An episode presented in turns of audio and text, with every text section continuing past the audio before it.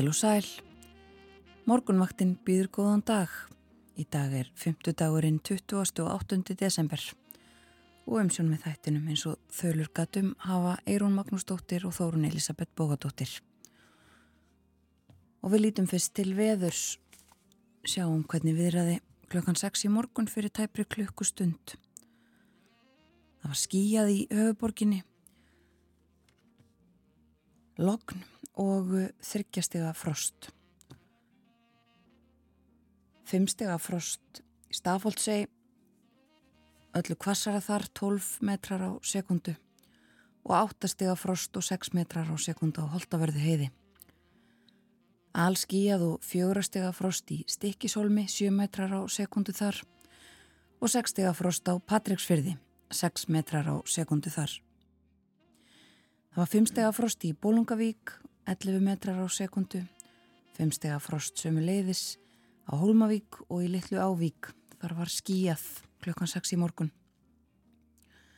Og 5 stega frost á uh, Norðurlandi Víða, 5 stega frost á Blöndósi, á Söðanesvita, á Húsavík og Rauvarhöfn og það var 4 stega frost á Akureyri, lítilsáttar snjókoma þar klukkan 6. Fjórastega frost á skjaldþingstöðum en tveggjastega frost á eigilstöðum. 8 metrar á sekundu norðanátt þar. Einstegsfrost á höfni hotnafyrði og kvískerjum. Norðanátt þar 9 og 12 metrar á sekundu og tveggjastega frost á kirkjubæjaklustri, hægur vindur. Eina rauða hítatalan var í vestmannegjum, fjórastega híti á stórhufða og 10 metrar á sekundu þar. Það var fjórastega frost í Árnesi, 11 metrar á sekundu, 8 og 10 stega frost á Hálendinu, kaldast á landinu á hverjaföllum af þeim auður aðtöðun á stöðum sem að sína eitthvað frá því klukkan 6 í morgun. 10 stega frost og norðan 2 metrar á sekundu. En þá að horfunum í dag og kannski næstu daga? Horfunnar í dag eru þannig að það verður norð og, norðan og norðaustan 5-13 metrar á sekundu en 8-15 metrar vestanlands fyrir hádegi. Dálitil jél fyrir norðan og snjókoma með köplum suð vestan til annars þurft að kalla og það er kólnandi veður. Það verður austlæg eða breytileg átt 3-10 metrar á sekundu á morgun, snjókoma síðst og lítilsáttar jél við norður og austuströndina en léttir til vestanlands. Og frost verður á bylnu 1-16 stig kaldast í innsveitum fyrir norðan. Og svo er það förstu dagurinn, það verður austlæg eða breytileg átt 3-10 metrar á sekundu, skíjaða mestu og lítilsáttar jél með norðuströndinni en snjó koma siðst og frostabilinu 1 til 17 stig kaldast í einsveitum fyrir norðan. Og á laugardag er austan 5 til 13 en hægar um landið austanvert. Daldil snjókoma á við og dreif en yfirleitt þurft suðvestalands frost 0 til 10 stig mildast siðst og þá er það sunnudagur, gamlástagur, þá verður suðaustan og austan 5-13 metrar. Og snjókoma, hægari vindur sunnan og austalands og lítilsattar jél við ströndina en hiti breytist lítið. Og uh, það eru hálka eða hálkublettir víða um landið, sjáum vinnuvelamerki víða á uh, korti vegagerðarinnar Það eru komnar út að móka. Það eru snjóþeki eða hálka víða á Vesturlandi en þungfært eða þæfingsfærið á nokkrum leiðum. Ófærtum bröttubrekku lagsártalsheiðu og fróðorheiði. Það er þæfingsfærið eða þungfært á nokkrum leiðum á vestfjörðum, ófærtum dinnendisheiði. Og á Norðurlandi þungfært á Siglufjörðavegi, ófært á Dettifossvegi og uh, ófært á Öksi og Breiðdalsheiði og Östurlandi, snjóþekja á flestum leiðum. og hálka víðast hvar á Suðausturlandi og Suðurlandi. Svona er aðstæður í landinu þennan 50 dags morgun en við ætlum að heyra fyrsta lag þáttarins snúum svo aftur og förum yfir yfir dagsfráð þáttarins á eftir eftir frettinnar en heyrum í Hallbjörgu Bjarnadóttur syngja en þá man ég hvar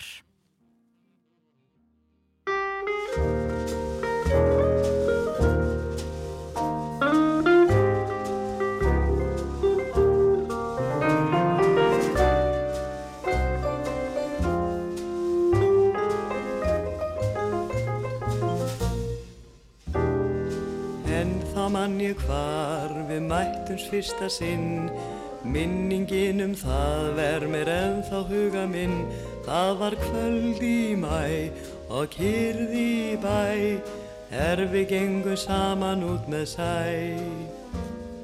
Meðan kvöldróðinn kisti haf og land Kisti litlu öldurnar bláan fjöru sand Littla lækin við um lána eittið Okkar fyrsta kossin kistumst við. Ég hef elskað þig frá okkar fyrstu kinnum Og engan liti feguri en þig. Ég minnist þess hvjóta lótal sinnum Þín auður litu töfrandi á mig. Það stjörnur bliki bláum híming geimi Á bláma þinna augna minna þær. Svo kona til er ekki öllum heimi Sem orði gæti mér jafnjú og kær. Ég hef elskað þig frá okkar fyrstu kinnum Og engan líti feguri en þig. Ég minnist þess kvjóta lótal sinnum Þín auður litur töfrandi á mig Er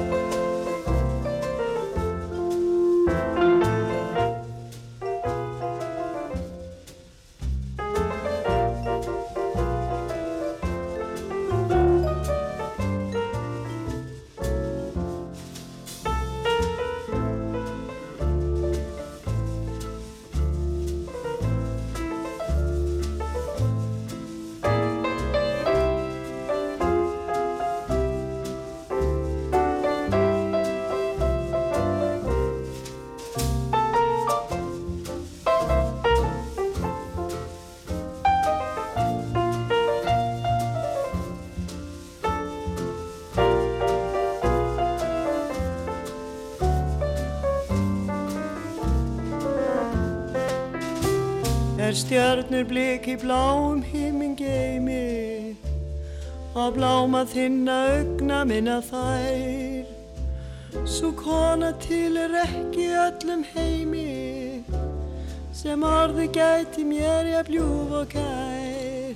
Ég hef elskað þig frá okkar fyrstu kinnum og enga líti feguri en þig Ég minnist þess kvjóta lótal sinnum. Þín auðu litur töfrandi á mig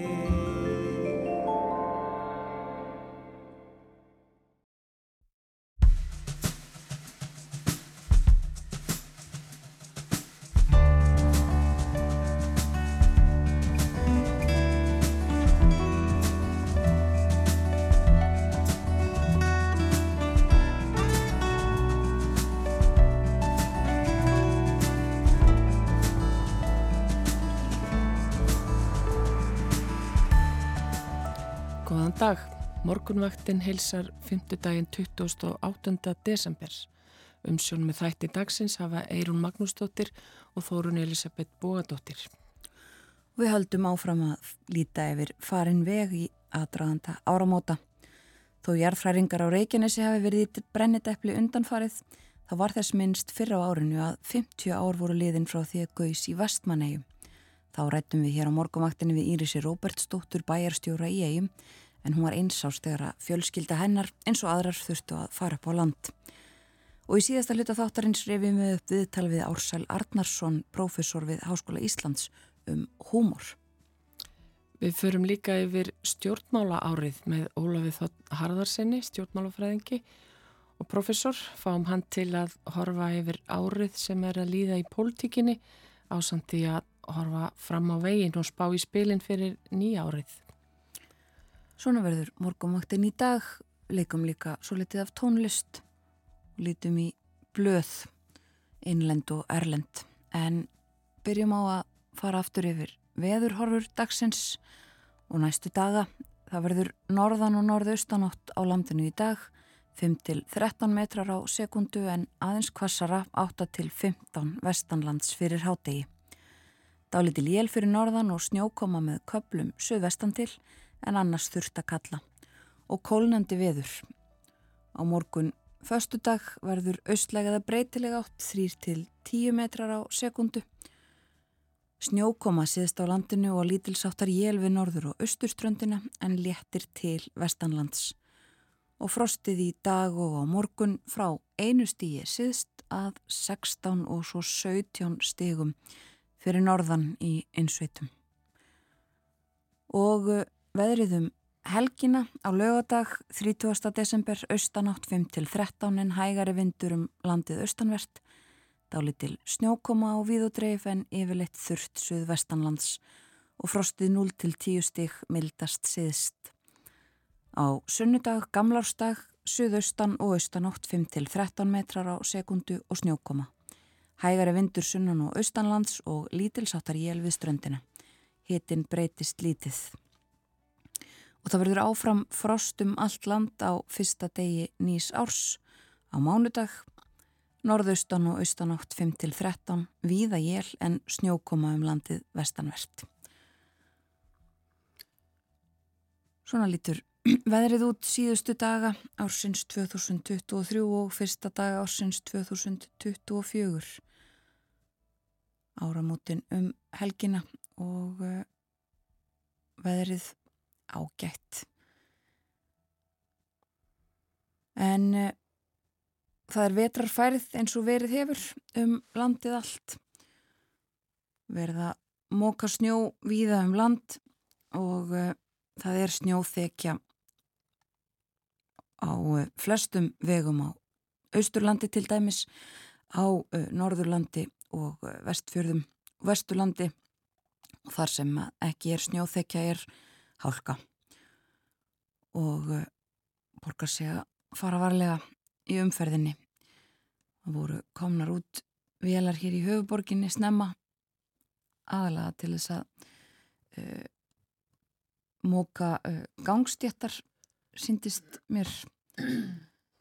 En uh, hægt að skoða þetta allt saman inn á vegagerðarinnar umferðin.is Lítið að frétta frá Reykjanesi það kom frett í gær frá viðstofunni um það að líkur á næsta eldgósi aukist með hverjum deginum.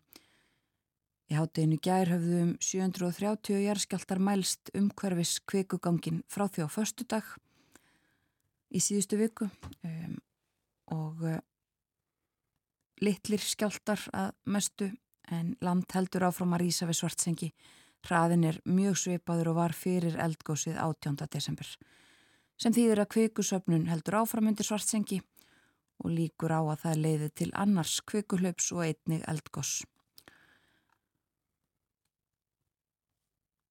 Og fjallaðum þetta í frettum en uh, það eru aðrar frettir á, á forsíðun og morgunblæðin í dag, er hún? Já, það er reyndar mynd, stór mynd af björgunusveitamönnum sem eru að ræða einhverjum tífúlibombum eða, eða flugeldum í hillu að því að nú hefst þetta tímabill við förum að, að skjóta upp á gamláskvöld og flugeldasæla landsbergar hún hefst í dag. Og við sjáum hann að björgunusveitamenn að undirbúa söluna og það er full ástæða til að til að segja frá því að þetta er auðvitað mikilvægasta tekjulind björgunarsveitana sem hafa aldrei staðið vaktina í jarðhæringum á Reykjanesi. En það er líka fjallað um gjaldskrár hækkanir og það er ímislegt sem hækkar um áramót. Til dæmis þá eru sumsveitafjölu sem hækka sorpyrðgjöld og það kemur í möguleg kjálfar innleggingar á nýju flokkunarkerfi. En það er hækkun í Reykjavík en hæst verða sorpyrugjöld á Seltjarnanessi segir hér. 75.000 krónur. Ég veit ekki alveg fyrir hvað það er en þetta er, þetta er hækkun.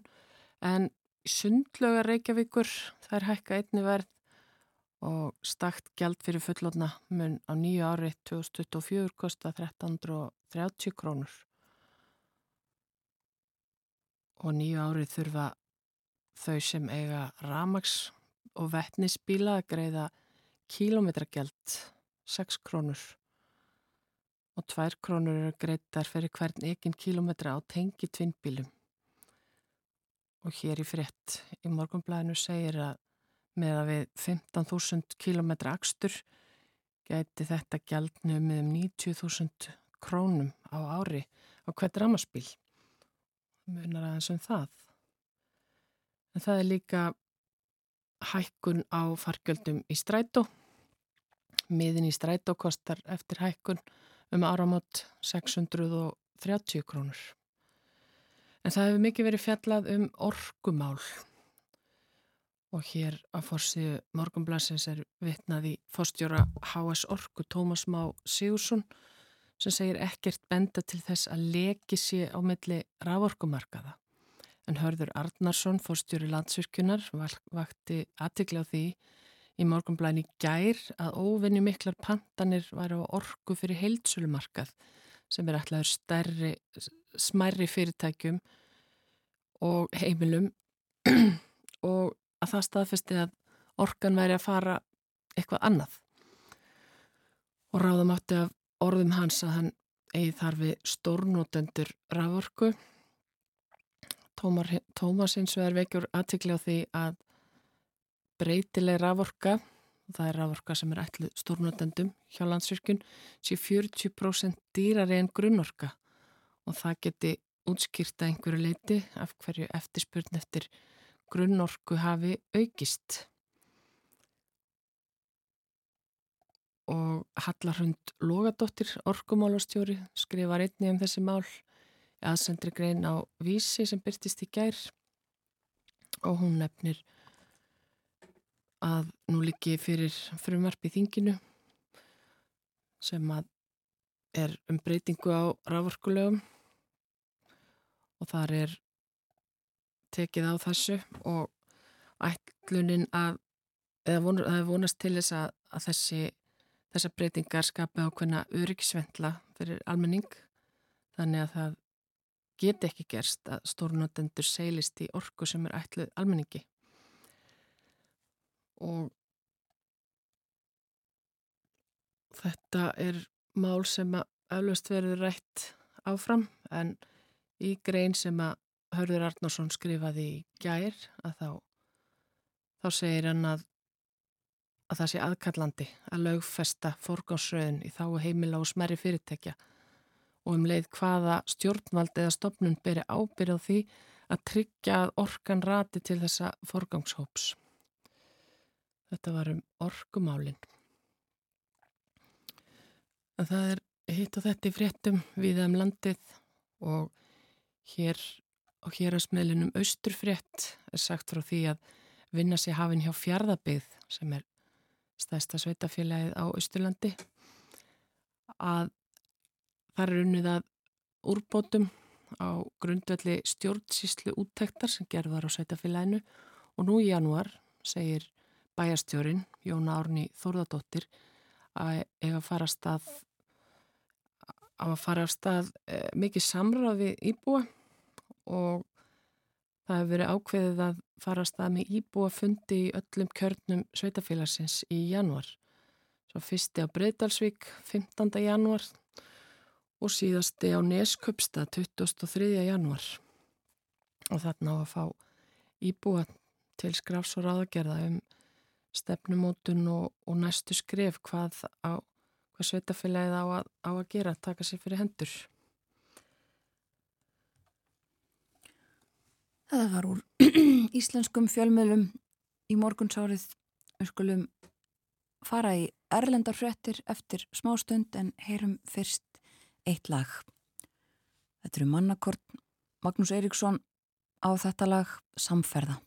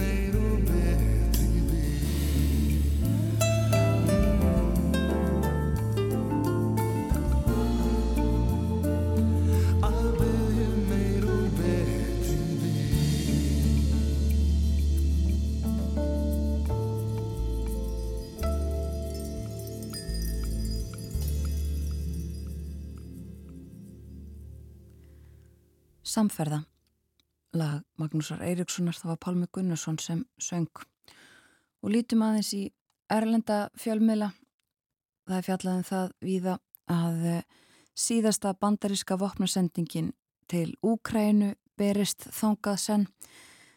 Það hefur enn ekki verið uh, samþygt uh, tillaga fórsetans í bandaríkjunum um uh, auknar fjárheimildir til Úkrænu en verið að reyna enn að ná einhvers konar samkúmulegi þarum þessi síðasta vopnasending á grunni gildandi heimilda er sögða að verðmæti um 250 miljónir dala.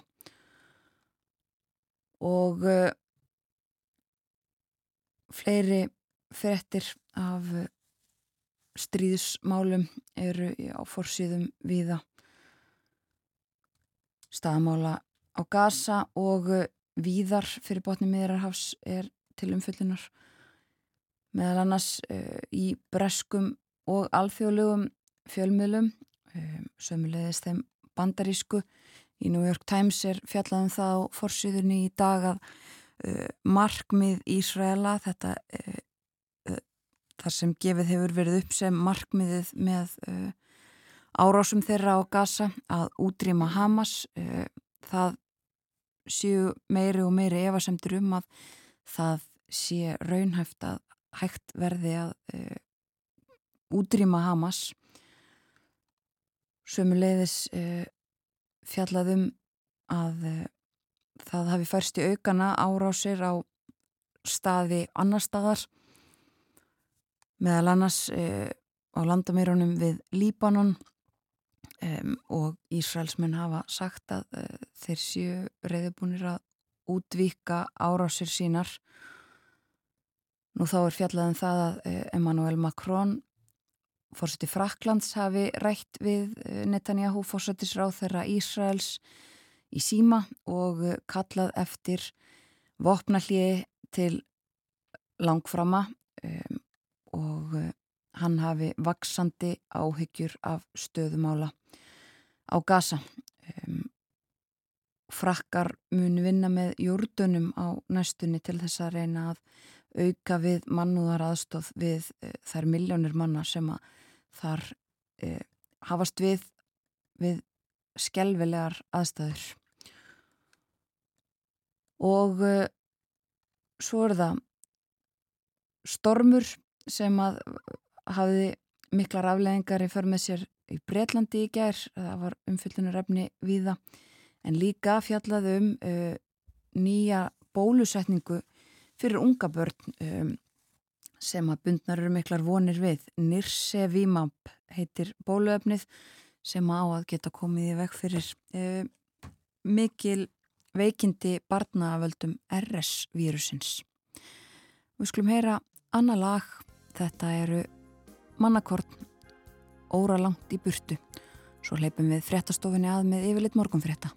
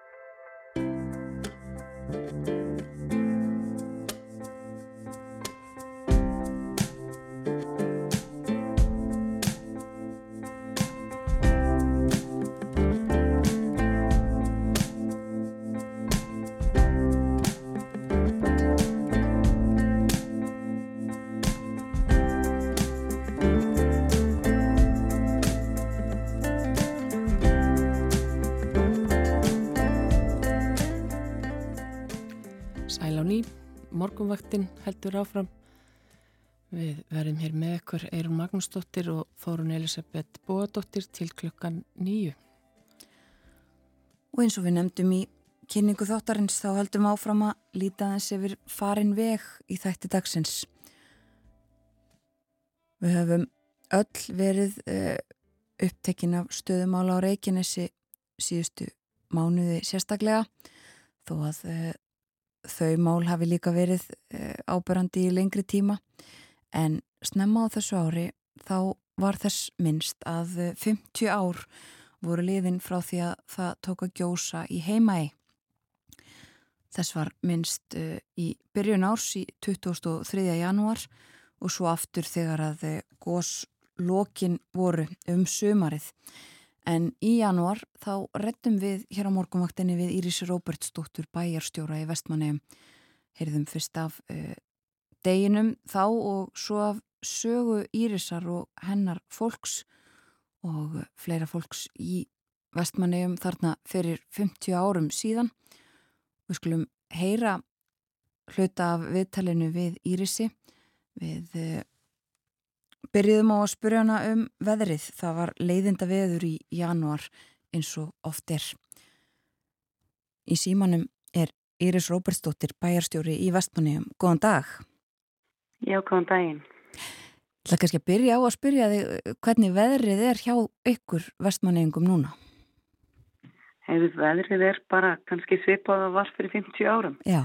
Það var hundlegilegt í gær sem var aðfara nótt góðsnóttar næturinnar og núna er bara nokkuð gott veður og stilla. Já, það er gott að heyra. Þannig að uh, það er útlitt fyrir að það verði hægt að komast uh, til, eða kannski aðla til eiga sem að skipti máli í, í dag sem ekki var hægt í gær. Já, það var, voru einhver ferðir í gær en núna er bara skipið að sigla úr landaði höfn. Já, og eða vona á mörgum uh, til að taka þátt í deginum í dag, veistu það? Sko ekki formlega vegna þess að þetta er svona lástemt. Þetta eru þetta mjög sérstaklega dagur þar sem að við erum að minnast þess að gósið hófst fyrir 50 árum og við þögnum því að þegar gósinu laug með sérstaklega gósloka háttíð en þeir sem eru í rauninni formlega gestur og eru að koma til okkur í dag er fósætti Íslands og fósætti Sráfira. Já, einmitt. Og þau taka þátt í viðbörðum í dag og, og í kvöld. Þess að það verður svona uh, ákveðin dagskrá samt í, í allan dagar það ekki? Jú, við erum með ákveðina dagskrá sem er lástemt það er minningafundur í bæjarstjórn núna í hátteginu og mun fórseti Íslands ávarpa hann.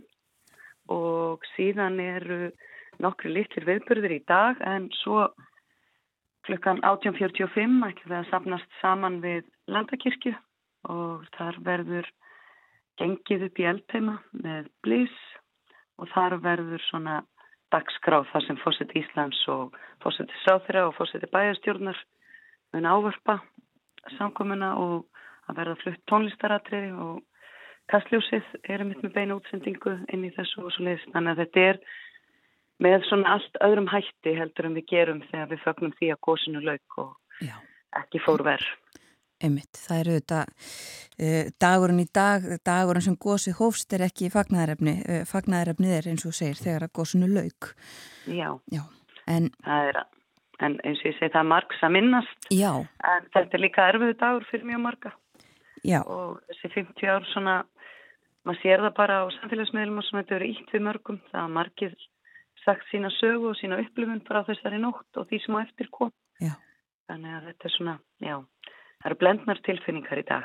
Já, uh, og þetta eru þetta uh, eitt stærsti viðbörðurinn í, í nútíma sögu Íslands og uh, eðlilega sko fylgir kannski að einhverju leiti allir þjóðinni, það þekki allir svona þessa sögu að einhverju leiti.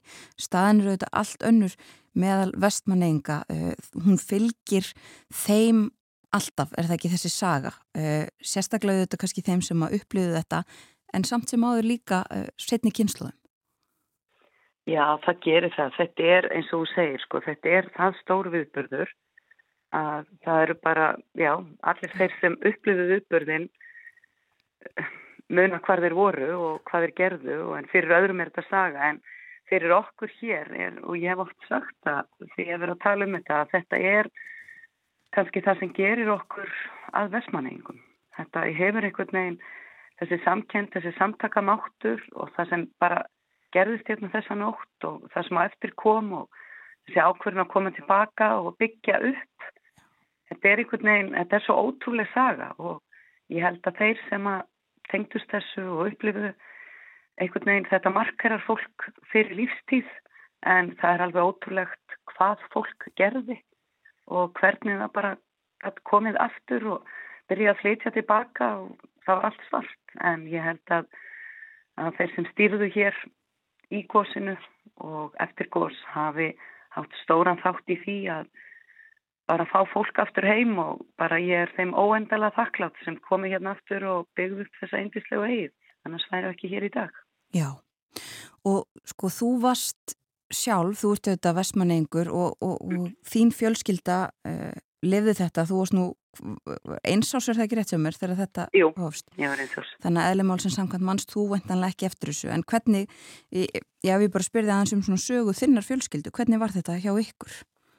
Þetta var og vil nú svo skemmtilega til að ég stend hérna út í glukka í húsi sem heitir Viða í Vestmanni og mamma og pappi voru nýflutt í þetta hús og voru að sofa fyrstu nóttina og ætluði að leia sér hér íbú. En tilvíðið að hagaði þannig í dag að ég er hérna tímabundið að því við erum að taka húsið okkar í gegn og það hittir þannig á að ég er hér sömu nótt. En þetta var eina nóttin sem að fjölskylda mín, við byggum í þessu húsi, mamma komið sjöman og leiði með sýstu mína og það var banka hérna utan á húsi, sýstirna mömmu og mamma tók náttúrulega bara ekkert marka á því. Ég held að það væri bara eitthvað partistand á sýstirni. Það geti nú ekki verið byrjað gós. En svo var það auðvitað raunin og við förum þarna um nóttina bara og við mamma fengum kóju. En þetta var mjög átakalega ferð og mamma henni svona halv hryllir alltaf við þegar hún talar um þetta. En við líka menta, meina það að það verið haldið vendarandi yfir okkur þessa nótt öllum össmanningum að Guð hafi verið með, með okkur og þetta er við fjórum í þetta sama og aðrir vöruðum viðskila í Þorlóksöpp. Það voru konur og börn sem gengur fyrir í rútur þannig pappi mátt ekki koma með okkur og mamma var með mig þarna á handlegg. Rúmlega eins og skamla komin sjöman á leið. Við vorum allar flóabittnar. Mamma sagði að við hefum verið svo fílamennir tveir hann. En á leið í skóla náttúrulega og pappi vissi við ekki í hvað skóla við fórum því það voru einhver símar og hann lappar á milli skóla og leitar á okkur en finnur okkur svo hérna. Þannig að við vorum tölvena tíma að fá húsnæði en endum svo íbúðuleg og sveinum og þetta var bara tók á okkur eins og alla aðra og það eiga allir sína fjölskyldisögu úr gósinu og á, af því sem að eftir kom.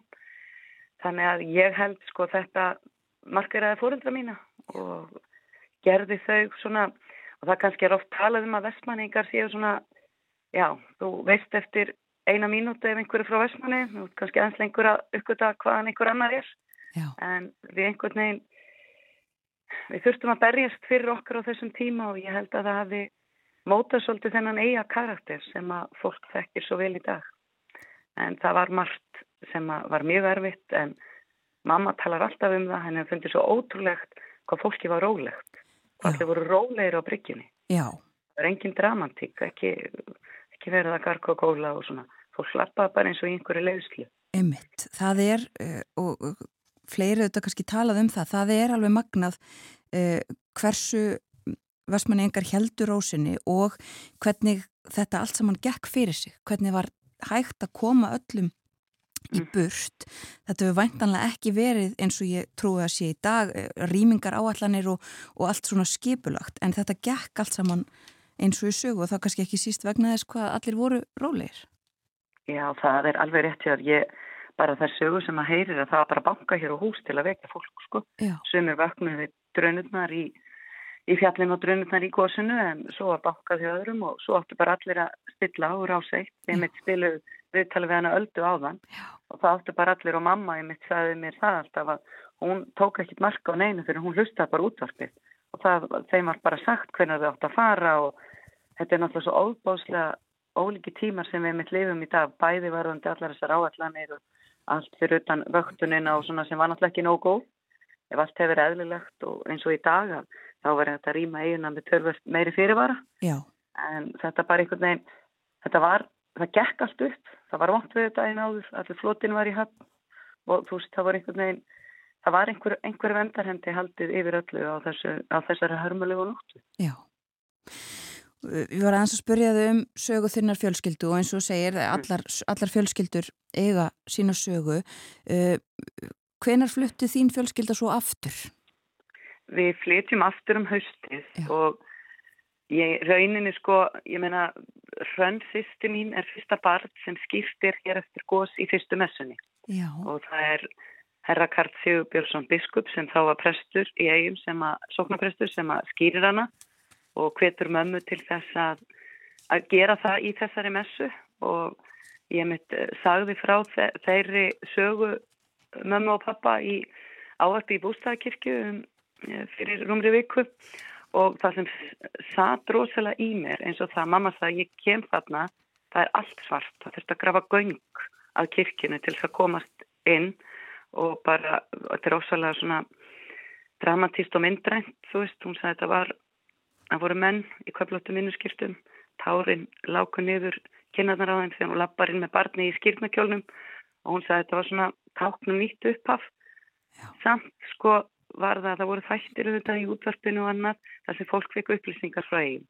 og Magnús bæjastjóri kvatti fólk til að koma heim komiði heim. Og mamma sagði ég veit ekki ennþá hvað ég var að hugsa. Ég var aðna í júli, það var allt svart. Ég fór samt um haustið og auðvitað var ennþá allt svart. Skilu þetta var einhvern veginn bara við þurftum að fara heim. Já. það þurfti að byggja upp. Og þetta er einhvern veginn þú veist, eins og hún sagði, svo er maður svo gladur þegar það fór að kveikna í fleiri húsum sko. Já. Þannig að þetta er þetta að, er bara, já. Já, einmitt, já, þannig að þetta var í rauninni ekki einhver svona ákvörðin eða umræða sem þurfti að taka þau bara urðu að fara aftur heim. Já, þau tóku nú smá debatt um þetta. Pappi var ekki alveg á sama máli en þetta réði mamma. Ok, já.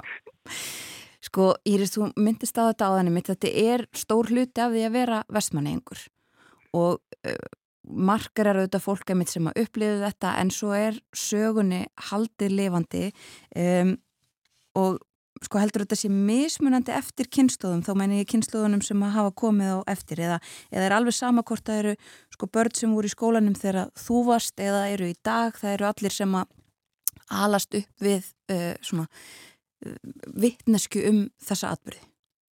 Já, eins og við tölum um áðan þá er þetta þá er náttúrulega þeir sem hafa hafðu aldur til að muna, er þetta náttúrulega upplifun fyrir þá sem gengur í gegnum þetta. En fyrir okkur einhverski sem munum ekki er þetta saga.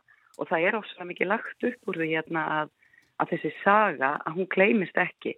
Og það er kannski hluti af því að uh, við minnumst góðslokana og rifjum upp alltaf þessa sögu og erum að reyna að gera það að halda utanum þessar heimildir. Af því þær eru náttúrulega bara ótrúlega ótrúlega verðmændara því að þetta hefur ekki gerst áður og vonandi gerist aldrei aftur hérna á mm. Íslanda að það gjósi svona í byggð. Já. Þannig þetta er, og það er svo núna tíundu bekkur í grunnskólanum er búin að vera í alla nótt að lesa í texta frá, góðstengta texta frá rúf frá þessari nótt. Þannig þetta er svona, við erum alltaf einhvern veginn að tala um þetta og fjallum þetta sko í kringum þessa tíma en þess á milli erum við ekki endilega að hugsa um það að við búum með elgós í bakarinn. Sko. Nei það er haldið áfram auðvitað með lífið og, og eins og fórst yfir líka áðan og bara áhrifin af þessu á svona daglegt líf vestmannenga og bara svona hugarfar er, mhm. er töluvert um, áður um við sleppum þér sko, uh, mér langar að, að spyrja þig um sko þín fjölskylda snýri tilbaka og þú varst að lýsa því fyrir okkur uh, hausti 1973 og þá er allt svart og, og svo fer að svona kveikna líf í, fleiri húsum, kveikna ljós sko hvena varð lífið í eigum aftur eðlilegt? Sko mér finnst á þeim sem að sko þetta sumar sumarið eftir gós að það var alveg ótrúlegt sko hvað mikið var gert og þetta með það að menn hafi strax, þeir sem réðu hér, hafi strax ákveðið til dæmis að láta móka upp kirkjugarðin. Já.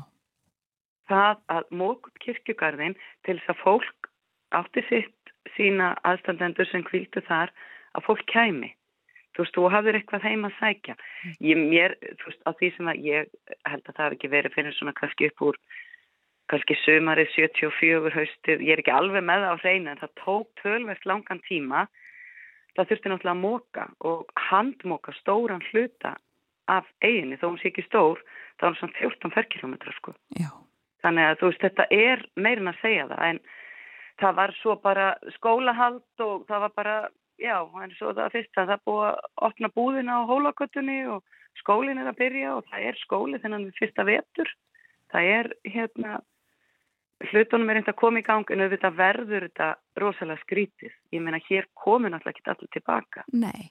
Stór hluti að eigin er breyttur. Það fóru náttúrulega í 400 hús. Það er bleið 1000 hús skemmtust. Þetta var náttúrulega, og þegar maður hugsaður þetta í dag, því líkt þrek virki að koma hérna aftur, að byggja hérna upp. En það var auðvitað, atvinnulífi var í gangi. Hér var breytt loðuna og meðan það var eldfjalli var að gjósa. Bátarnir kom á lönduðu og það þurfti að gefa öllu þessu fólki að borða sem var að vinna hérna og svona. Þannig að þetta er þetta er svo ótrúlegt margt í þessari sögu og margar sögur sem hafa ekki verið sagðar sem er svo mikilvægt að ná utanum sko. Já. þannig að ég held að bara miða við það sem að sagt sko fólk upplifaða kannski að lífið var bara orðið nokkuð eðlilegt en það getur ekki hann að vera en að þau teki mörg ára að fara í þetta. Horfum einhvern veginn þú saknaði vina en að nákvæmna konan í næsta hús á fjölskyldan kom ekki aftur Já. en konan í þar næsta kom þannig að þetta er svona Já. já, maður mað færi aðeins svona maður færi ríki í augun og maður verður aðeins klökkur á þessum degi Já, skiljanlega.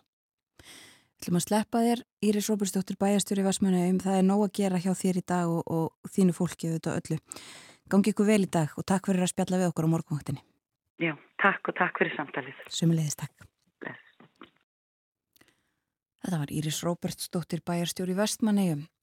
Við rættum við hana 23. janúar á þessu ári þegar að þess var minnst að 50 ár voru liðin frá því að fóru að gjósa í eigum.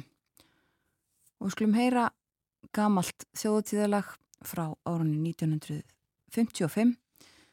Þetta er Helena Ejólfsdóttir sem syngur og lægið eins og svo mörg eftir þá Otger Kristjánsson og í bæ. Gamla gatan.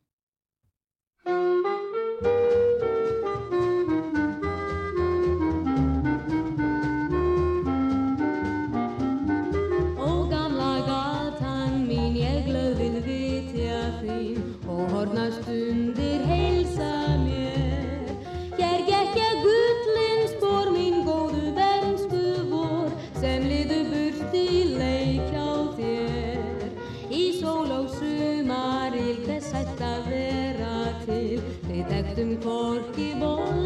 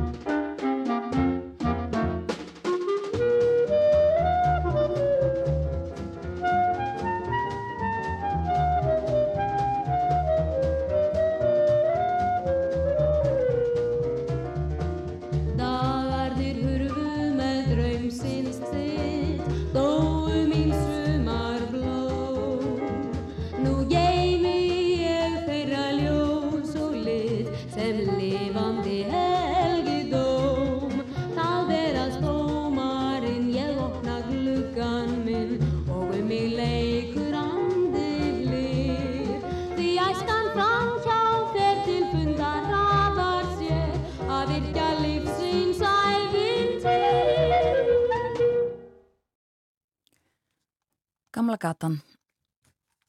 Þetta var Helena Ejálfsdóttir sem söng og við leikum þetta í kjálfar. Viðtal sem við spiliðum við Írisi Róbertsdóttur bæjarstjóra í Vestmannegjum þegar að 50 ár voru liðin frá því að uh, fóru að gjósa í heimægi. Og uh, við heyrum annað uh, viðtal síðar í þættinum. Við erum að rifja aðeins upp árið sem er að líða en við gerum það með öðrum hætti hér eftir fréttinnar þá ætlum við að fá til okkar Ólaf Þóttn Harðarsson, professor í stjórnmálafræði til þess að ræða um árið í stjórnmálunum. En uh, við skulum líta aðeins til veðurs. Það segir hér í hugleðingum veðurfræðings að veðurstofunni að í dag verður norðaustan kaldi eða strekkingur og lítilsáttar jél á við og dreif norðan og austanlands en dáli til snjókoma af og til suðvestan til. Heldur kólnandi veður, síðdeis má búast við frosti á bylunu 1 til 12 stig og, og það er 12 stig í mínus og kaldast í innsveitum fyrir norðan. Á morgun, förstudag, útlitt fyrir hægari vind en áfram verður dál til jél við norður og austuströndina en snjó koma siðst og þá byrtir til um landi vestanvert. En herðir á frosti, frost alltaf 17 stigum norðan heiða. Og svo er það gamlarstagur, þá segir veðistofun að verði suðaustan og austan 5 til 13 metrar á sekundu og snjókoma. Hægari vindur sunnan og austalands og lítilsáttar jél við ströndina, hiti breytist lítið. En þetta getur auðvitað breyst, það er 28. desember í dag og gamlarskvöld er ekki fyrir násunnudag.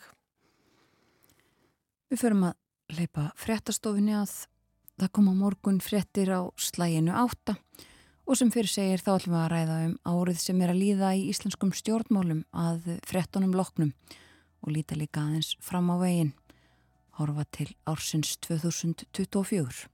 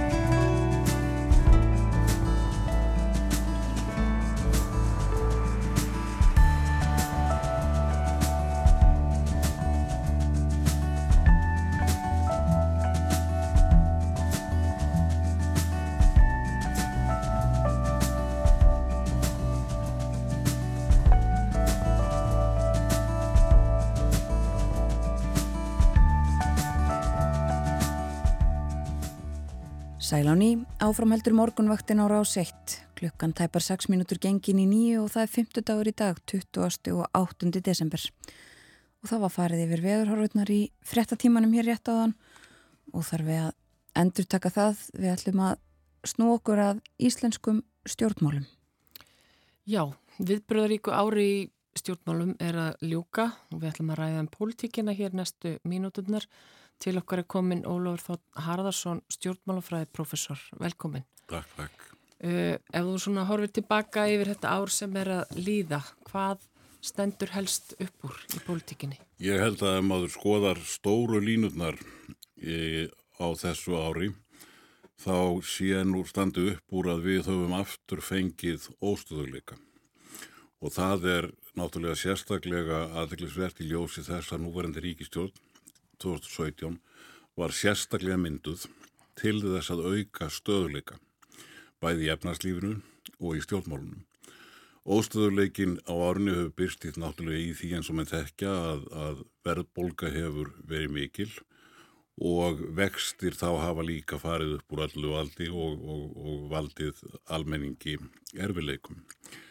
E, en jafnframt þessu getum við sagt að það hafi verið óstöðuleiki í stjórnmálunum, sérstaklega innan ríkistjórnarinnar.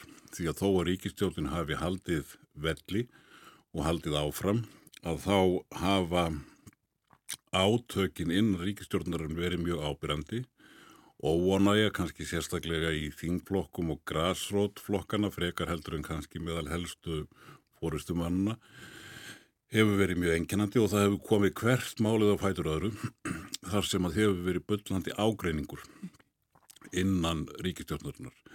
Þannig að þessi óstöðuleiki bæði í efnarslífinu og í stjórnmálunum held ég að sé megin enginni þess árs. Já, Já það, uh, einmitt eins og þú nefnir, það, það var komið upp þó nokkur uh, tilvik á árunni sem er að líða þar sem að var talað um að, að það hrykti í stjórnarsamstarfinu einlega.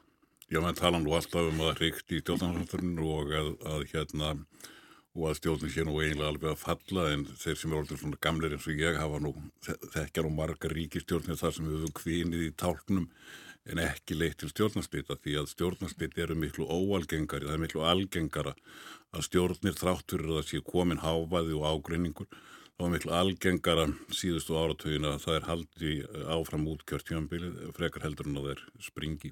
Mm. En hvernig meitur stöðu stjórnarsamstarsins akkurat núna við áslokk? Já, það er bara erfitt og, og hérna það hefur náttúrulega komið í ljós eftir að COVID laug. COVID var náttúrulega megin skýringin á því að, að að, að deilumál, eðlileg deilumál, sérstaklega millir sjálfstæðisflóks og vinstri græna sem er í grundvallaratriðum með ólíkar skoðanir í einsum grundvallaratriðum að þau kom ekki á yfirborði upp og yfirborði var COVID og það verið líka verið alveg ljóst að það var COVID sem að gera það verkum að ríkistjórnin vann glæsilegan kostningasífur 2021 eina stjórnin sem hefur náðað að rétta eh, við lélegt gengi í skoðanakönnum á kjörtímanbílinu eftir hrun því að eftir hrun hafa allar aðra ríkistjórnir fallið og verið að tapa miklu fylgi á kjörtímanbílinu alveg eins og núverandi ríkistjórn. Mm. En uh, mun hún falla, uh, ég hef alltaf sagt sko að, að ég telli nú meiri líkur en minni að hún haldi út kjörtímanbílið og ég er nú ennþá þeirra skoðunar en hins vegar sko eru merkin um uh, að samstarfið sé brotætt uh, sem því það hefur bara farið vaksandi og uh, maður, er, maður er hérna, það kem, kæmi manni minna og óvart núna ef stjórnin springi heldur en, heldur en kannski fyrir einu árið eða tveimur. Já, og sko ég, það er ennþá þokkalega langt í kostningar að óbreyttu mm. en uh, flokkarnir uh, allir eiga það nú sameinlegt mismikið þó að uh, fylgi við þá eins og segir það hefur verið mingandi stöðningur við ríkistjórnuna og við þessa flokka sem hann að mynda síðustu, já það er bara undan farin misseri núna hvenar fara flokkarnir að svona hugsa sérstaklega um það að fara að huga að næstu kostningum og reyna að rétta við sitt eigið fylgi kannski á kostnað samstarfsins? Já, þeir þurfu nú eiginlega að fara að huga mjög vel að því, sko. Það, er, það þarf ekki kjósa fyrir haustið 2025 en ég heyr að ímsir er að tala um að það verði kosið af vori og ef það er kosið af vori þá er þetta ekki nefnilega rúmlega, rúmlega ár sem að, sem að er eftir þannig að, að það er nú mjög líklegt að flokkarnir fari að fara í starttólunar og maður getur reynd að setja það sumpart kannski á þessi er þessi uh, pyrringur millir stjórnarflokkana sem að fælst meðal annars í því sko að, að flokkarnir eru svona og ekki síst sjálfstæðismenn að reynað undistrykka það sem þið telja að vera grunngildi flokksins að, að en það, það svona, svo, svona ástand er í rauninni kannski algengara þegar að fer að, fer að stittast í kostingar og flokkarnir reyna að leggja áherslu á sérstöðu sína. Mm tala nokkuð um í ríkistjórn sem að er svona breið eins og, og núverandi stjórn. Já. Er hægt að fara að tala um, sko það er eh, kannski annað eins og þú sagir, það er oft talað um að það hrygt í stjórnarsamstarfi yðurlega, eh, það er líka stundum sagt að fylgi við ríkistjórnina sé að verða sögulega lágt, það er auðvitað kannski að verða sögulega lágt fyrir þessa ríkistjórn en ekki svona ef að litið er lengra tilbaka. Nei, alls ekki fyrir, ekki e, ef við, ef við skoðum fylgis uh, þróun ríkistjórna eftir hrun, þá er þessi bara dæmigerð. Eh, þessar ríkistjórnir eftir höfun hafa flestar byrjað með 60-80% stuðning, það er að segja þess að segjast vera stuðningsmenn ríkistjórnarnar svona á einu, tveimur árum hefur það farið niður fyrir 50% og síðan áfram neðar. Mm. þannig að, að þess, eina stjórnin eins og ég segi með undanþekningin er, er, er stjórnin frá 2017 til 2021 en það er svona svipuð kurva hjá öllum hinnum og þannig að eh, örlu eða sem sé gengi þessara ríkistjórnar e, er bara alveg í takti við aðra ríkistjórnir sem við höfum e, haft eftir hrun og e, það svona vekur grunnsemtir hjá manni um að þessi árin séða bara þannig að, ríki, að kostnaður við það að vera ríkistjórn sé mjög mikill og það sé kannski frekar þessi almenna tilneying sem valdi fylgisleysi ríkistöðunar núna frekar heldur hún að hún hafi endilega verið svo ráðalöðs og, og jafnvel þessi óeining og þarfmyndu göttunum þetta er bara í takt við það sem aðra ríkistöðun hafa orðið að, að, að þóla mm. og það er það þarf mjög mikið til að snúa þeirri þróun við fyrir kostningar og þetta eru kannaninn núna ekki neitt sérstök fórspáum næstu kostningar, margt getur breyst en það er mjög erfitt að sjá ríkistjórnina að snúa því við eins og ég segja eina dæmið er, er, er hérna stjórnins 2017-2021 og þá þurfti COVID til, þá þurfti eh, heimsfaraldur. Já. Það er líka hægt að fara yfir árið ánins að minnast á samfélkinguna mm. og mhm. þess að svona uppsöplu sem að hún hefur verið í, þar er mikill svona spútnik leiðtói Kristrún Fróstadóttir. Mm. Er þetta eitthvað eh, sem á eftir að endast? Það er ómulegt að segja. Í hins vegar eh, er rétt að hafa í huga að, að staðan í skoðanakonunum hefur tiltrúið að lítið breyst allt árið. Þannig að samfélkingin er búin að vera á þessu róli í 25-30% allt árið og lengur en árið. Það gerðist að vísu með Píratana 2014 að um að rétt að þeir voru millir 30-40% í, í ár og duttu nýður. Þannig að það getur gerst en munurinn er hins vegar að sá að samfélkingin er einn af gamlu flokkunum og, og ólík píratum á, á margan hátt og það ber náttúrulega að hafa í huga að, að 1999, 2003, 2007 og 2009 fekk samfélkingin 25-30% fylgjum. Þannig að það væri sjálfur sér ekkert nýtt þó að hún færi heldi þessu fylgi út, út uh, kjörtjumambilið. Að vísu þá eru núna konir fleiri, fleiri flokkar og, og það er í rauninni líka aðtiklisvert að, að, að á þessu ári lítilla breytinga á fylgi að þá eh, sjáum við staðfestingu á þessu 8 til 9 flokka kerfi sem virðist vera komið til þess að vera þar sem að samfélkingin hefur verið stæst með 25-30%, sjálfstæðisflokkurinn síðan með í kringum 20 og aðeins undir 20 í síðustu konunum, en allir heyrir flokkarnir á bylinu, eiginlega á bylinu 5-10%. Þannig að þetta er landslægið sem við höfum, tveir eh, tildulega stórir, hefði ekki þótt rosalega stórir hér í, í gamla kerfinu þegar að sjálfstæðisflokkurinn var um og upp undir 40% en stórir í nútíma landslægi rétt eins og í Skandinavi hefur tróun orðið svo að stóru flokkarnir þar, þeir eru með 20-30% alveg eins og hér Já. það verðist vera svona almenn, almenn tróun. Einu flokkurinn sem að hefur verið að bæta svo við sig núna að síðustu mánuðina er svo miðflokkurinn sem hefur farið úr, ég held að hann hefur verið með 5,5% í síðustu kostningum og hefur verið að mælast undanfarið í kringum nýju og á þeim sama tíma hefur sjálfstæðiflokkurinn heldur við að tapa fylgi og það er mjög líklegt að fylgið hafi strengt uh, milli uh, eða frá sjálfstæðiflokknum til miðflokksins þó ég hafi nú ekki nákvæmur mælingar á því. Nei.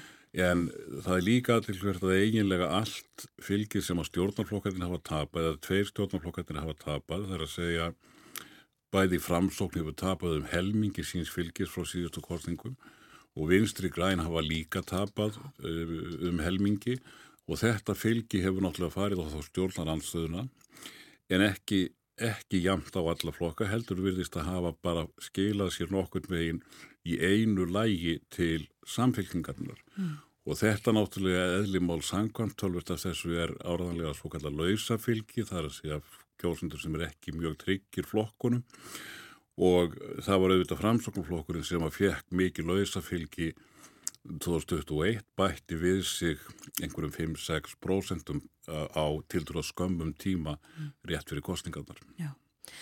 Ólur, við erum með fjölmörg, svona, fjölmörga punta á bladi, það væri eftir að tala um eh, afsök fjármálur á þeirra sem að varð svo ekki afsöknheldur stólaskipti mm. og, og nýlegar sendiherraskipanir hans, Bjarnar Benditsson sem auðvitað ekki svo þeirra.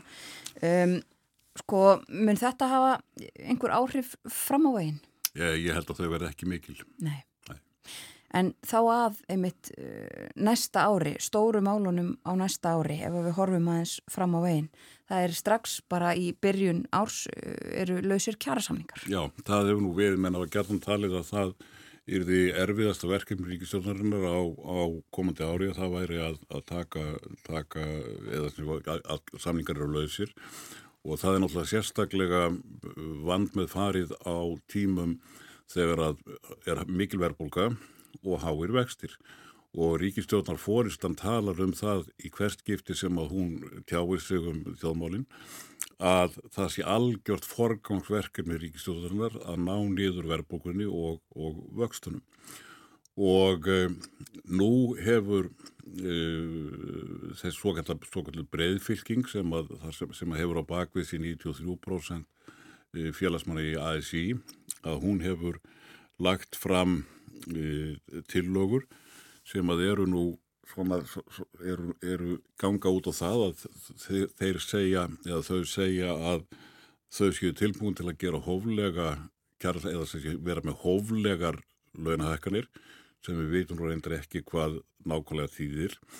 En á móti vilja þau um, að tilfæslukerfin uh, hjá ríkinu að þau verði styrt verulega og það á bæði við um badnabætur og líka við um húsnæðismálinn og menn hafi verið að slá á það að ef að ríki vil koma móts við, þessar gröfur þá kosti það einhverja 20-30 miljardar og uh, ég held að það hljóti að vera á marganhátt freistandi fyrir ríkistjóðina ef það væri hægt að gera þetta svona að, að launahækkanettar eru hóflegar þó að, þó að þessar bætur yrðu auknar svona vikið e, en, e, en það náttúrulega e, er, er, er hins vegar spurning sko hvort að ríkistjórnarflokkarnir eru tilbúinir til þess að fallast á þessi auknu ríkisútgjöld e, og hvort er teljið það yfir höfuð, þau teljið það yfir höfuð raunhæft en e, það er auð, auðvitað til nokkurs vinnandi svona almennt talað að uh, ná sátt á vinnumarkanum án þess að uh, laun hækki allt og mikið. E, ég skal eng, engur spá um það hvernig ríkistjótin tekur í þessar tillögur en maður sér auðvitað strax að, að það er ekkit ólíklegt að afstafa stjórnar flokkanna gæti verið eitthvað mismunandi til þessara tillagna. Maður á til dæmis miklu auðveldara með að sjá fyrir sér að, að vinstri græn og framsóknarflokkurinn væru tilbúin í eitthvað uh, í þessa veruna. En það því sjálfsagt meiri andstaða einan sjálfstæðarflokksins um að auka ríkisútgjöldin en, en hann hefur nú verið tilbúin til þess að auka svo sem ríkisútgjöld og e, fóristaflokksins er reglulega skömmuð af ákveðnum hópi innan flokksins fyrir það að þeir ætti einlega vera með kjörordi baknið kjört frekar heldur en báknið burt e, en það er nú líka aðtilsvert að miðflokkurinn hefur sérstaklega tekið upp kjörorðið báknið burt og þeir rétt eins og þessi hópur í sjálfstæðarfloknum sem meðal annars er í er morgumbladið og, og, og hópurinn í kringum Davíð Olsson tilheyra að, að hérna þessir hópar hafa verið mjög hardir og viðskiptablaðið mjög hardir í því að sjálfstæðisflokkurinn hafi slegið mjög af stefnu sinni og þeir eru eiginlega að segja, ólíkt mörgum öðrum, að vinstir græn hafi eiginlega ráðið öllu í þessu ríkistjórn. Já. Einhver önnur mál svona rétt í lokin sem að uh, þú sér fyrir þér að muni setja svipsin á, á næsta ár? Já, það eru, það eru náttúrulega ímismál sem að geta áfram orðið spennumál innan ríkistjórnarinnar Það eru náttúrulega orkumálinn sem að, sem að koma strax í hug. Það eru útlendingamálinn sem að áfram maður sér ekki hérna í sjálfu sér neina sérstaklega lendingu í því og síðan held ég að það verði afar fróðlegt að sjá hverjar verða tillögur Svandísa Svavastóttur um sjávarútiskerfið. Hún hefur bóðað frumvarp um sjávarútiskerfið og það hefur þegar komið í ljós að, að útvegsmenn eða samtök útvegsmanna eru nú ekki mjög hrifin af því þannig að það gætu verið, gæti verið miklar, miklar, mikil andstaða við, við þær hugmyndir e, e, bæði í sjálfstæðarfloknum og kannski líka framsökulfloknum. Við komumst ekki lengra. Takk fyrir að fara yfir árið og líta til þess næsta Ólafur Þótt Harðarsson, professor í stjórnmálafræði.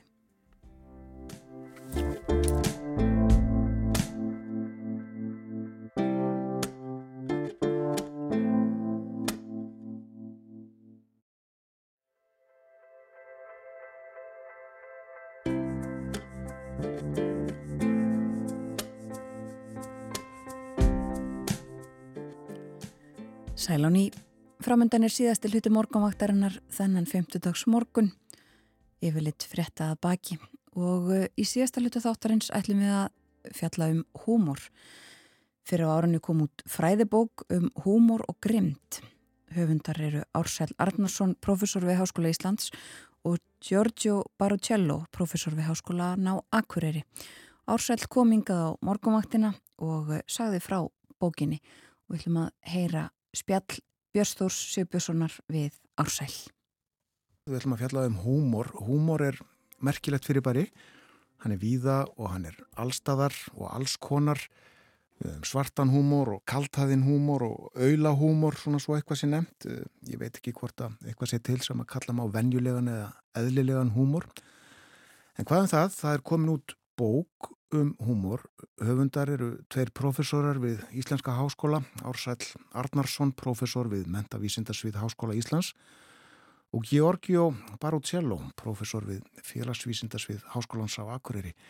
Ársæl er í grunninn sálfræðingur og Georgio heimsbyggingur.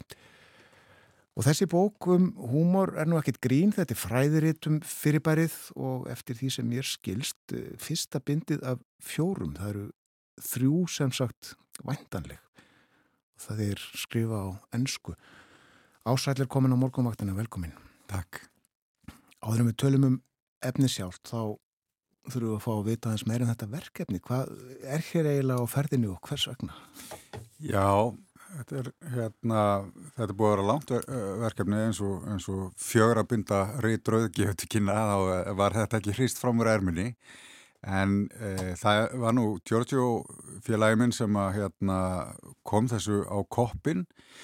E, hafði, það, það er til sagt, félagskapur sem eru sagt, heimsbyggingar sem hafa áhuga á, á húmor sagt, og, og, hérna, og pælingar um það hvernig, hvernig hann virkar.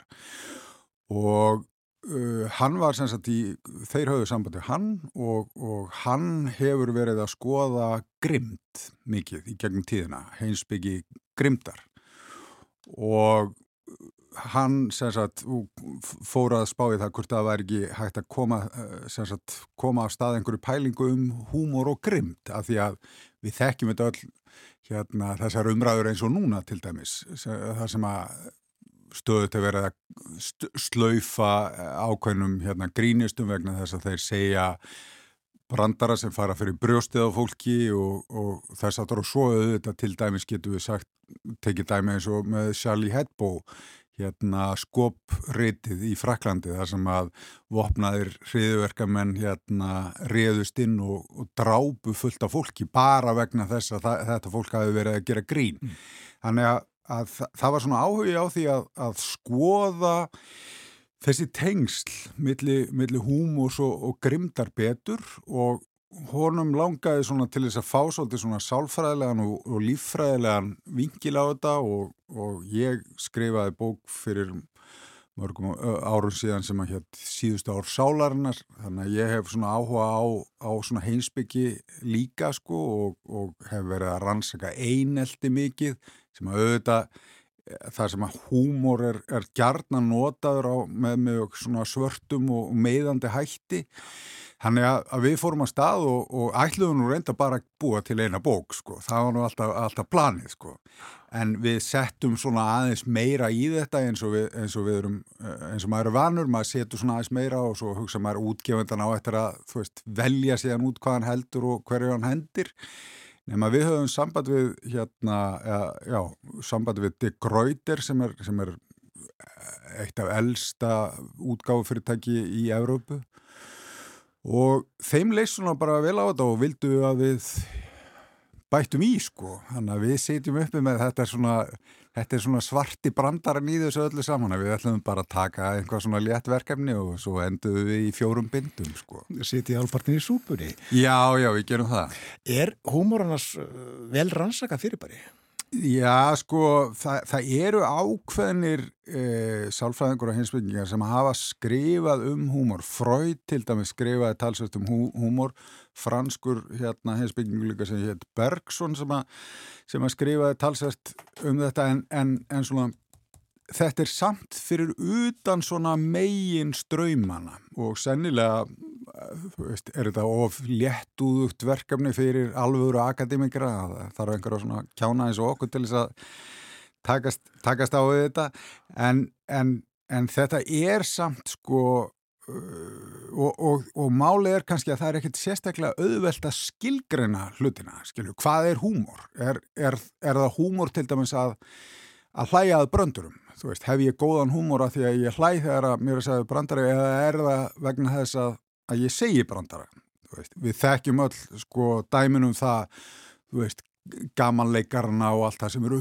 hundleiðinleir skilur, en segja rosalega vel frá en er alveg óbóslega leiðilegt fólk, skilur, þannig að hvað er góður húmor? Og, og sko það er mjög áhugavert að, að þetta, þetta hugtak húmor það er í raun og veru kemur úr sko vessakenningu ford grískrar læknisfæði það sem, að, það sem verið að horfa á það að líkaminn sé samsettur úr vessum, það er hérna svartgall og gullgall og slím og blóð, þetta þurfa að vera í einhverjum ballans. Það, það var svona undirstöðu atriði í, í forgrískri læknisfræði. Og þetta heitir húmor, þetta er bara vessi og, og læ, læknisfræði menta fólk þekkir þetta, allir þeir sem hafa að lesa líffærafræði, það er fullt af húmor í líkamann. Það er húmor í forhólfi augans til dæmis. Það sem að, þú veist, þannig að þetta er gamalt hérna latnist heiti.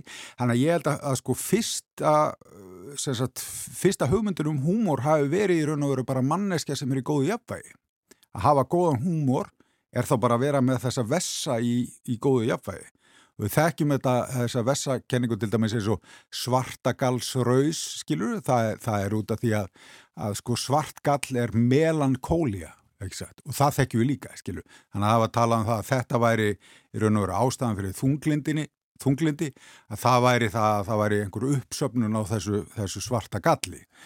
Og, og, og svo sagt, þróast þetta í raun og veru bara fyrir svona 200-300 árum þá fara mann að tala, tengja húmor við sko einhvað fyndið, einhver, einhverju kimni en aftur, það er mjög, mjög óljóst sko hvaða er að vera með góðan húmor. Já, því hefði ekki komist að niðurstuðum það?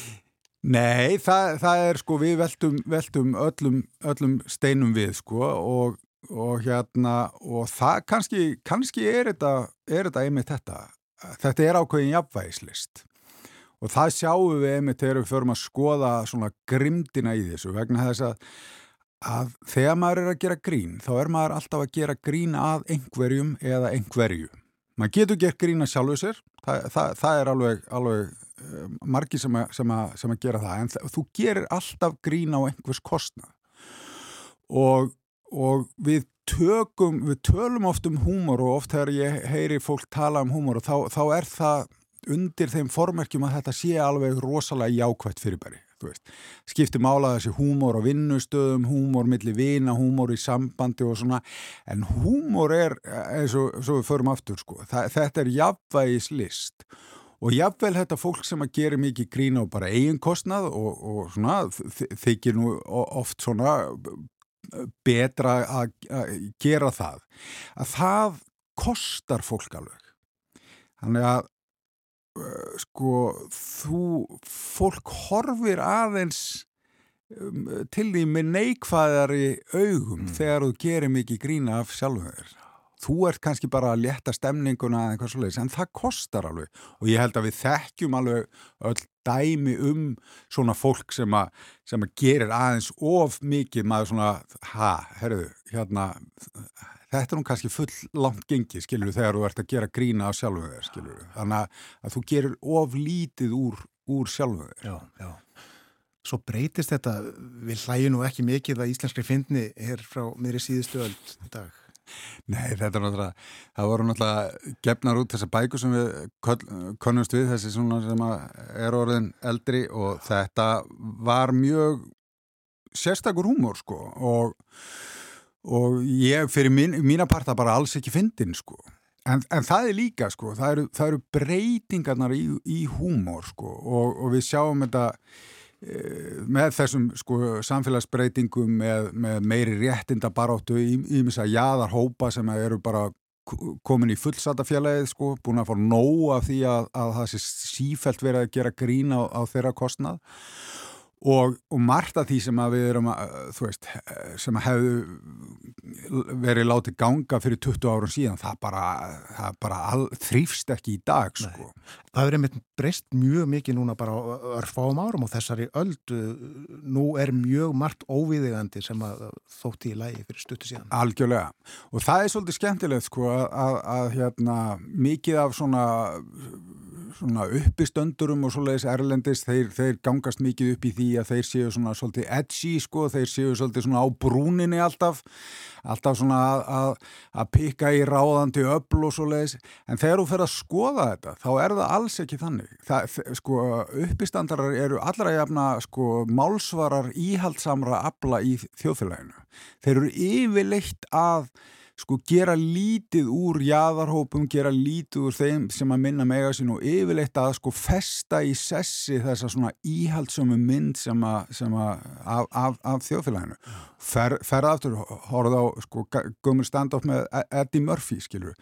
Hann er, að, hann er að gera grín af konum, hérna, samkynneiðum, fölluðum svo framvegis og svo framvegis. Þannig að þetta er ekkit, er ekkit þú ert ekkit á brúninni, skilur þú ert í raun og veru bara að halda fólki niður og það er auðvitað líka það sem að húmór er oft notaður í.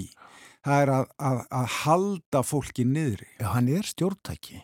Hann er það algjörlega og, og til dæmis Bergson sem að skrifa hérna bóku um, um aldamótin Eh, þar síðustu að, að hann gerir einmitt mikið úr þessu að, að þetta er í raun og veru við notum húmor til þess að pikka út þá sem að haga sér ekki í samræmi við gildandi norm í samfélaginu. Við erum sífælt að pikka í, í þau. Sagt, allir þeir sem einhvern veginn eru, eru öðruvísi, þeir verða fyrir, fyrir barðinu á, á húmorn Já, já Húmor er notaður uh, í mistækifæri, er hann notaður í sálfræðinni?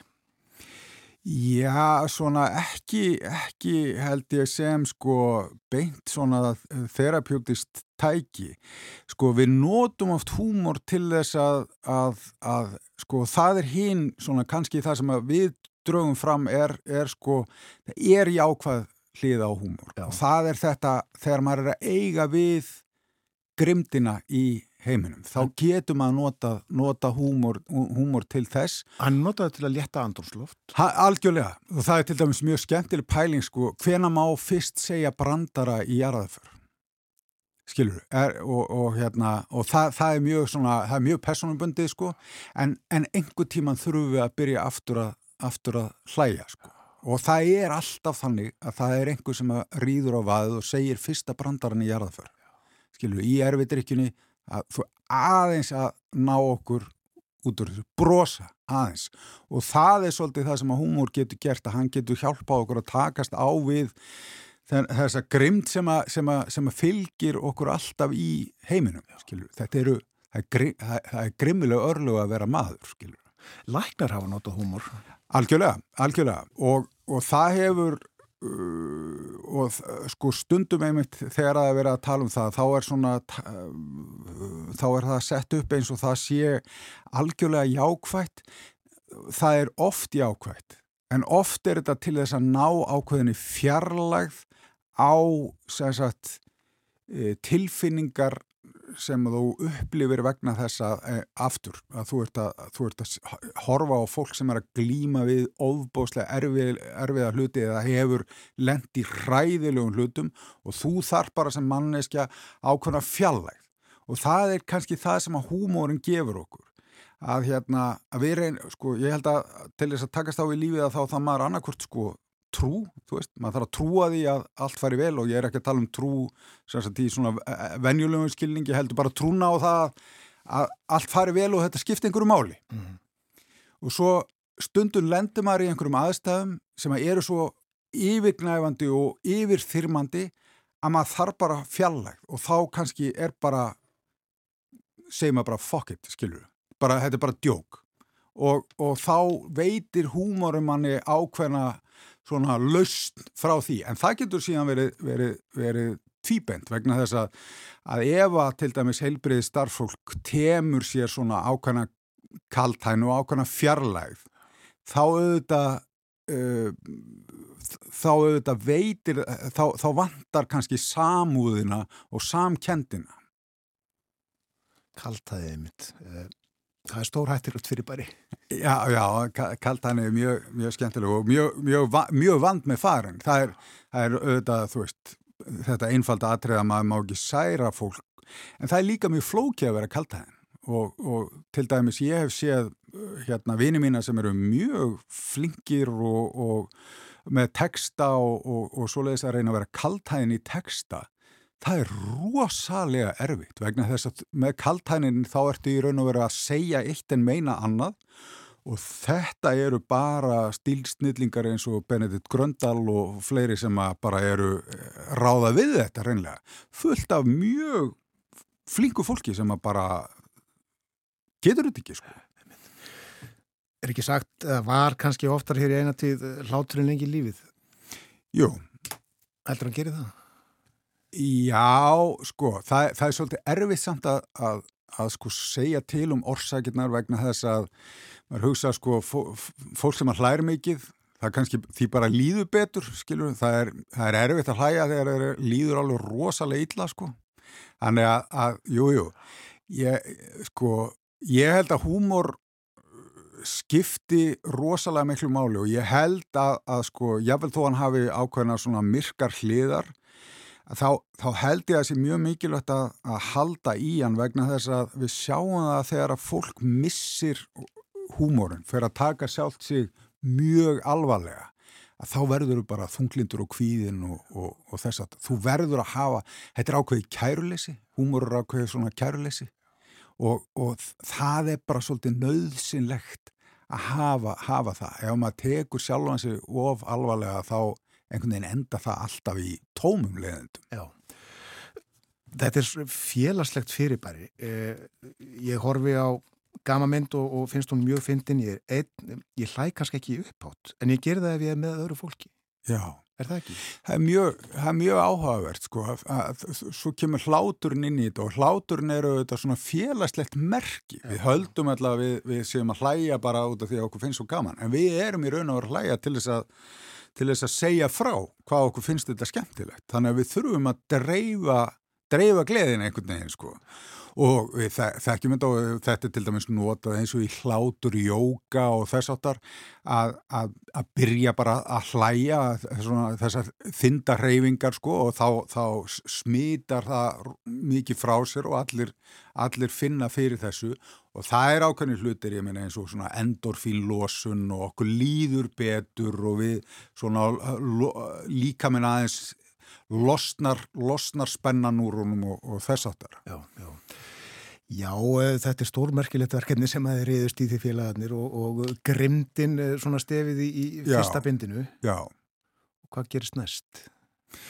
Já, svo erum við að, að, að, að spá í þessu sko, hvernig við til dæmis skoðum uh, til dæmis eins og, eins og svona kynþáttarhinsanir Eh, helföruna og þess áttar við erum svona í letu, letu, letu málunum. Eh, Nei, það, það er til dæmis sko mjög áhugavert að skoða það bæði sagt hvernig veist, nazistar notuðu húmor til þess að, að gera lítið úr hérna því sem að þeir töldu vera óæri kynstofna. Og þú sér það og það er svolítið svona áhugavert að, að stundum eru svona ofbeldis fólk að reyna að vera fyndið og þú og það er ekkert fyndið, þú finnur bara grimdina og, og, og þú veist, og skopmyndir nazistana eru svolítið á, á, á þá vegu, það er ekkert fyndið þetta, þetta á að vera einhvað fyndið. Að finnst þetta yngum fyndið, þetta er bara þetta er bara ruttalegt og grimmilegt, skilur við og svo er það á heimbóin að þá eru við til dæmis að skoða húmórin meðal gýðingana sem að voru í útrýmingabúðunum og það er rosa merkileg, merkileg, merkileg pæling sko því að þar er alveg svakalega sko húmór húmór gýðinga er mjög, mjög þróað fyrirbæri. Þeir hafa, þeir gera mikið grína sjálfum sér og, og við þekkjum þetta náttúrulega sem að höfum verið að fylgjast með hérna gaman myndum og, og uppustöndurum og svona. Það mikið það er, er auðvitað mikil hefð fyrir húmor, húmor meðal, meðal gýðinga og það er auðvitað vegna þess að gýðingarnir hafa náttúrulega verið ofsóttir í gegnum sko árþúsundin og það er auðvitað ein leið til þess að takast á við sko endalösar hörmungar. Að það er auðvitað að, að nota, nota húmorun og kannski er það þess vegna sem að, sem að við höfum svo mikil gýðingleg áhrif innan, innan þess að gera. Já, já. Það eh, er auðvitað við eh, rannsóknarsviðið sko, skopskin okkar Íslandinga en hefur einhverja tilfinningu fyrir því svona í blá lokin eh, hvernig, hvernig íslenskur húmor er í dag? Já, ég held að sko íslenskur húmor held ég að sé svolítið svona, svona kaltæðin, ég held að við séum svolítið, við erum svolítið í því að, að sko segja eitt og, og, og meina annað. En það er, það er, það er miklu betra þegar við segjum það heldur en þegar við reynum að koma inn og texta. En ég held að við séum með svolítið svona kaldan, kaldan húmor. Ég, ég finnst auðvitað íslenskur húmor frábær sko. Og hérna og það er, þú veist að því að við erum að tala um húmor og grimd og þá finnst mér til dæmis rétt að nefna að ég dáist alltaf að sko Ara Eldjátt til dæmis sem er feikilega fyndin, alveg feikilega fyndin, en aldrei meðandi. Alltaf, alltaf svona, svona gerir þetta rosalega fallega og þetta er, þetta er alveg ótrúlega jafnvægislist að geta verið svona rosalega fyndin án þess að vera meðandi. Það er eh, líkilinn að farsældi í því fæi sem uppistandið er. Já, skiljaði. Þakka að kellega fyrir að koma yngi á morgunvaktina. Takk fyrir að bjóða mér. Ársæl Arnarsson, profesor við mentavísittasvið Háskóla Íslands að okkur hér frá bókinni sem að hann og Giorgio Barucello, profesor við Háskólan Akureyri hafa skrifað fyrsta bindið af fjórum um uh, húmor, húmor og grind.